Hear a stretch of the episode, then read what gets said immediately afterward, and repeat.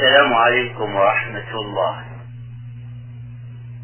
هذا عم يقول إنه يا أيها الناس علمنا منطق الطير. قال هل الطير له منطق؟ نعم يا أخي سبحان الله. تسأل عنها وربنا خبر بها. بالضبط. بعد قول الله في مقال لقائل فما دام قال يا أيها الناس علمنا منطق الطير. معناها انه الطير له منطق. بعدين النملة النملة بتحكي وقالت نملة يا أيها النمل. فهم سليمان. سليمان فهم عنها بقول أنا ما أسمع.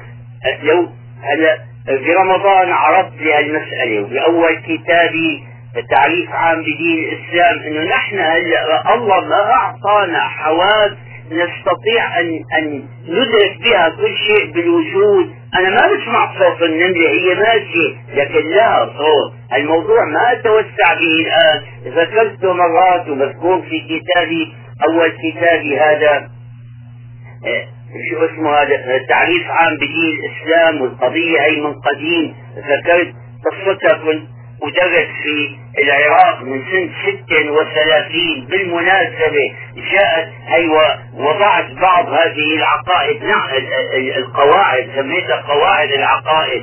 فالطير له منطق وهذه لها منطق. في هذا ببرنامج العلم والإيمان هذا الدكتور مصطفى محمود بين بعض إنه أحيانا المنطق يكون بحركات بالأجنحة بإشارات بأشياء. يا جماعة اليوم من يدقق في العلوم هذه هذا يزداد إيمانا. لا منطق ما المانع أن يفهمه بعض الناس؟ الناس العاديون شوف اليوم لك الإنسان على بعض الآلات الجامدة آلة جامدة حديد ومعدن وشيء تحس أكثر مني. تقول شو الحكي؟ لك ميزان الحرارة.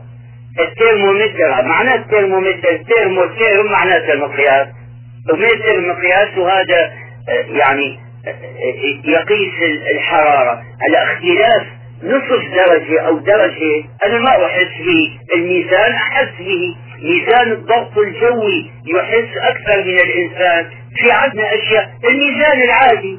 هلا أنت إذا حملت شيئين واحد يزيد عن الثاني ربع كيلو ما تحس بها. أو أو 100 جرام ما تحس بها. الميزان أحس بها. إذا في بعض الجمادات ربنا جعل فيها خاصية فيها تدرك وتحس أكثر من الإنسان. نعم هذا حس إحساس فقط. يعني ما في إدراك وراءه. هي قضية ثانية؟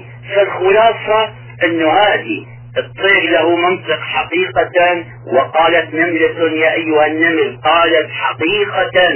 ما هو تشبيه ولا هو تمثيل ولا هو على سبيل المجاز. لا قالت لهم حقيقة وسمعوا منها حقيقة وسليمان أعطاه الله حاسة ما كان ينقلون أن زرقاء اليمامة.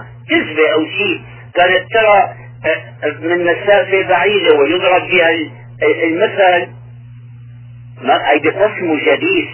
يمكن نص خرافة ما أدري. أنه حتى لما هجم الأعداء قطعوا أشجارا واحتموا بها. والله تعرفوا الأبيات. حافظها من والله من ستين سنة كنت صغيرة أو أكثر قالت إني أرى شجرا من خلفه بشر فكيف تجتمع الأشجار والبشر.